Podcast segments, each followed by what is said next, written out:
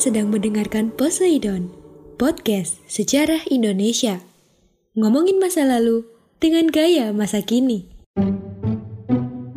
Assalamualaikum warahmatullahi wabarakatuh. Salam sejahtera bagi kita semua. Salam sejarah. Saya Ika dan kalian lagi dengerin Poseidon Podcast Sejarah Indonesia. Podcast yang bikin kalian gagal move on. So, stay safe, stay healthy Tetap semangat untuk mengulas masa lalu. Dan mohon perhatiannya kawan-kawan. Sesaat lagi saya akan membawa kawan-kawan ke masa lalu session 2 Nah, terima kasih bagi kawan-kawan yang masih bertahan di session 2 ini Untuk tetap mendengarkan kami. So, kencangkan sabuk pengaman kawan-kawan karena dapat saya pastikan kawan-kawan akan gagal move on. Oke baik, sudah kan kawan-kawan? Nah kawan-kawan, kalau kita berbicara mengenai awal kedatangan bangsa barat di Indonesia, tentunya tidak lepas dari kolonialisme dan imperialisme. Lalu, apa sih yang membedakan antaranya kolonialisme dan imperialisme? Iya benar, kolonialisme dan imperialisme dapat dibedakan menjadi tiga bagian yaitu yang pertama ada tujuan, kemudian ada proses penguasaan negara jajahan, dan yang ketiga negara bekas jajahan. Tujuan dari kolonialisme sendiri ini cenderung ingin menguras habis sumber daya alam dari negara jajahan serta memperluas wilayah kekuasaannya. Sedangkan imperialisme, dia cenderung ingin menanamkan pengaruhnya pada semua bidang kehidupan negara jajahan. Nah, lalu bagaimana proses penguasaan negara jajahannya? Kalau kolonialisme tidak dilakukan secara langsung oleh negara, melainkan melalui kongsi dagang. Contoh misalkan Belanda dengan kongsi dagangnya yaitu VOC. Dan ini Aus Indies Company. Sedangkan imperialisme dia cenderung dilakukan langsung oleh negara penguasa. Contohnya negara Portugal yaitu bangsanya Portugis dan negara Spanyol. Kemudian untuk negara jajahannya, jajahannya sendiri ya, negara jajahan sendiri, kolonialisme ini cenderung mengalami kemiskinan karena kekayaan alamnya yang memang sudah terkuras habis oleh bangsa penjajah. Sedangkan yang imperialisme cenderung maju. Karena apa? Karena biasanya negara-negara bekas imperialis ini memiliki ilmu pengetahuan mengenai industri. Nah, kawan-kawan, setelah kita tahu mengenai perbedaannya kolonialisme dan imperialisme, mari kita cari tahu apa sih yang menyebabkan bangsa barat ini sampai berlomba untuk melakukan penjelajahan samudra. Memang apa sih faktor yang mendukungnya? Nah, ternyata kawan-kawan, ini ada empat faktor yang mendorong bangsa barat melakukan penjelajahan samudra hingga sampai ke Nusantara. Yang pertama, jatuhnya kota Konstantinopel ke tangan Turki Utsmani pada tahun 1453. Kemudian yang kedua, didukung dengan adanya kisah perjalanan uh, dari Marco Polo ke dunia timur, tepatnya di Tiongkok. Bahkan dibukukan loh dalam bukunya yang namanya Imago Mundi. Keren kan? Orang zaman dulu itu suka menulis. Nah, inilah yang perlu kita contoh budaya menulis. Nah, kemudian pada waktu itu sudah ada penemuan kompas meskipun pada waktu itu tidak ada Google Map tapi mereka memanfaatkan penemuan kompas ini untuk melakukan penjelajahan samudra. Nah, kemudian yang keempat ini adanya semangat reconquista di mana semangat reconquista ini semangat untuk melakukan pembalasan terhadap kekuasaan Islam di mana pun yang ia jumpai. Nah, perlu kawan-kawan ketahui sekitar abad ke-16 ini masih jaya-jayanya kekuasaan Islam di wilayah Indonesia atau Nusantara saat itu di mana pada waktu itu ada Kasultanan Ternate, Kasultanan Tidore, Kuatalo dengan sultannya yang terkenal yaitu Ayam Jantan dari Timur Hasanuddin, kemudian ada Kasultanan Banten, Kasunanan Cirebon dan lain sebagainya. Selain adanya semangat Reconquista, juga didukung adanya semangat Trici. Apa itu Trici? Gold, Glory, dan Gospel. Gold sendiri berarti kekayaan dengan menguras habis sumber daya alam, sedangkan Glory yaitu kejayaan, yaitu menanamkan pengaruh dan memperluas wilayah kekuasaan. Kalau gospel apa? Iya benar, penyebaran agama Nasrani seperti yang dilakukan oleh bangsa Portugis. Lalu yang menjadi pertanyaannya, mengapa jatuhnya Konstantinopel ini menyebabkan para pedagang Eropa ini melakukan penjelajahan samudra? Why?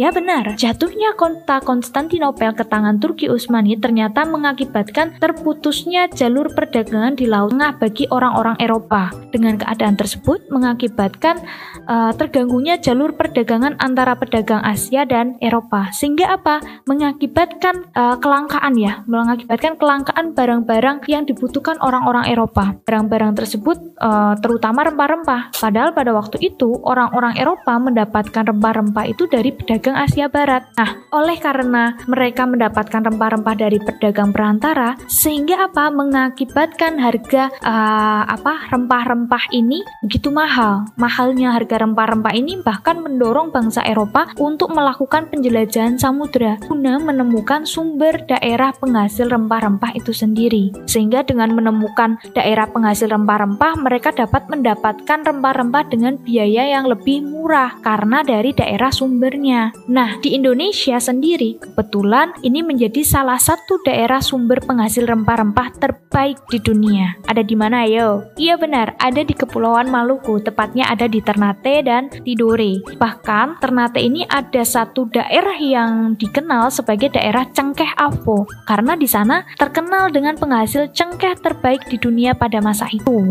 Tak heran kalau Kepulauan Maluku ini dikenal dengan sebutan The Spices Island. Bahkan kalau kita pernah berkunjung ke Ternate, tepatnya di Museum Rempah-Rempah terbesar di Asia Tenggara, ini ada satu yaitu namanya Fort Orange itu di Ternate. Dulunya itu kantor dagang VOC yang ada di Ternate. Nah, pada masa itu Kepulauan Maluku sebagai daerah penghasil terbesar pala dan cengkeh yang paling dicari bangsa barat. Orang Belanda bahkan menyebutnya sebagai the three golden from dia artinya tiga emas dari timur yaitu Ternate, Banda, dan Ambon. Namun jauh sebelum kedatangan Belanda, penulis dan seorang tabib dari Portugis ini bernama Tom Pyers ini menulis buku yang berjudul Soma Oriental yang di dalamnya ini melukiskan tentang tiga wilayah subur tersebut dengan sebutan The Spices Island yang artinya pulau rempah-rempah.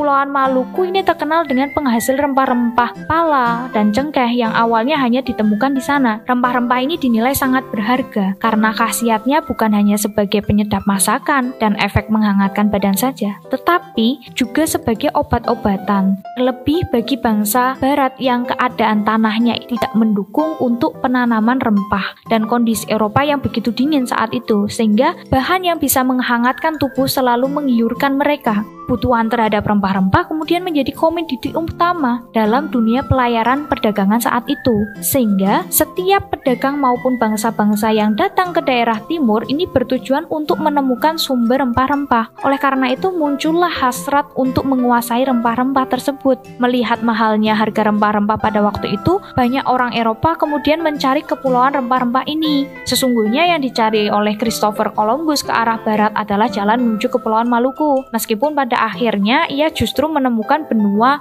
baru yang bernama Amerika. Nah, kemudian rempah rempah-rempah ini salah satu alasan mengapa para penjelajah Portugis seperti Vasco da Gama ini mencapai India dan Maluku. Orang Eropa mengasosiasikan rempah-rempah ini dengan negara antah berantah yang berhubungan dengan surga. Karena rempah-rempah sifatnya langka dan banyak dicari, maka nilainya lebih tinggi daripada emas pada waktu itu. Wow, amazing ya kawan-kawan ya. Pada zaman dahulu kala, keharuman aroma rempah-rempah ini ternyata lebih menarik daripada emas bagi raja-raja Eropa dan kekaisaran Asia sejak abad ke-8. Dinasti Han di Cina misalkan memiliki aturan kalau pegawai istana boleh menyapa kaisar jika mulutnya sudah berbau harum cengkeh. Bahkan semua orang dari negara mana pun yang hendak bertemu dan berinteraksi dengan kaisar Cina ini diharuskan mengulum atau mengunyah cengkeh untuk menghindarkan kaisar dari bau nafas tak segar. Nah, pada saat itu harga satu cengkeh ini sama dengan 7 gram emas, teman-teman. Pohonnya sendiri merupakan tanaman asli Kepulauan Maluku. Nah, selain dikunyah untuk menghilangkan bau mulut, cengkeh juga dijadikan sebagai pengobatan untuk sakit gigi.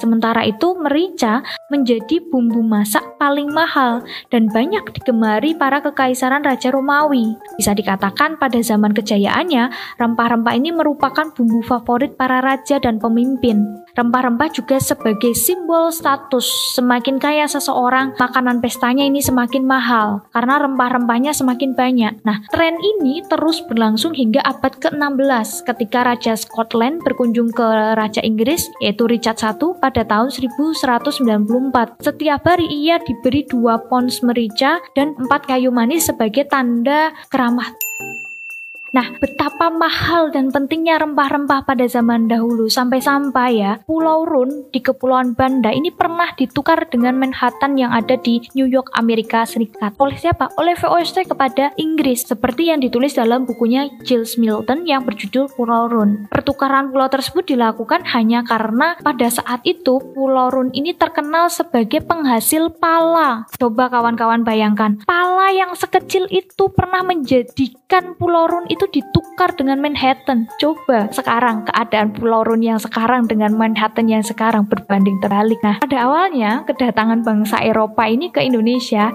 itu tujuannya hanya untuk mencari rempah-rempah langsung dari daerah sumbernya. Namun sesampainya di Nusantara, melihat potensi yang ada di Nusantara, tujuan mereka akhirnya berubah. Ada beberapa tujuan bangsa Eropa untuk menguasai wilayah Nusantara. Yang pertama, ingin memonopoli perdagangan dari daerah sumbernya. Yang kedua, ingin menguasai wilayah strategis untuk apa? Ya untuk perdagangan dan basis militer mereka tentunya. Yang ketiga, mengeruk sebanyak mungkin sumber daya alam negara jajahan. Mumpung kan daerah sumbernya. Kemudian yang keempat, ingin ikut campur tangan dalam urusan politik suatu wilayah di Nusantara. Bahkan nanti terkenal dengan yang namanya politik divide et impera atau politik adu domba. Kedatangan bangsa barat sendiri ini diawali pada tahun 1511. Pada waktu itu yang mempelopori sampai ke Nusantara itu ada bangsa Portugis. Bangsa Portugis ini uh, yang pelautnya sampai berhasil mendarat ke Nusantara, khususnya di Malaka itu ada Alfonso de Albuquerque. Kemudian pada tahun 1512 Alfonso ini menguasai wilayah Malaka. Setelah Portugis tiba di Nusantara, ini mendorong bangsa barat lain untuk melakukan penjelajahan samudra. Di mana pada tahun 1521 Spanyol, yaitu yang utusannya bernama Sebastian del Cano berhasil mencapai wilayah Maluku. Sebastian Delcano ini salah satu awak kapal dari Magellan, tapi kan Magellan ini terbunuh di wilayah Filipina sebelum mencapai ke wilayah Maluku. Kemudian tahun 1579 Inggris juga sampai di wilayah Ternate, yaitu utusannya yang bernama Sir Francis Drake. Kemudian tahun 1596 Belanda juga sampai di wilayah Nusantara, khususnya di wilayah Banten, yaitu Cornelis de Houtman. Lalu bagaimana respon penduduk setempat dengan kedatangan mereka dan bagaimana cara bangsa barat menguasai wilayah Nusantara? Nah, ini akan dikupas tuntas pada episode selanjutnya. So, tetap stay tune di Poseidon Podcast Sejarah Indonesia. Nah, satu hal yang bisa kita ambil hikmahnya dari para petualang tadi kawan-kawan. Let's break through limit. Semangat menebar kebermanfaatan bagi sesama, ya. Jadi, jangan patah semangat. Tetap semangat untuk menebar kebermanfaatan bagi sama. Saya Ika pamit undur diri. Terima kasih. Wassalamualaikum warahmatullahi wabarakatuh. Terima kasih.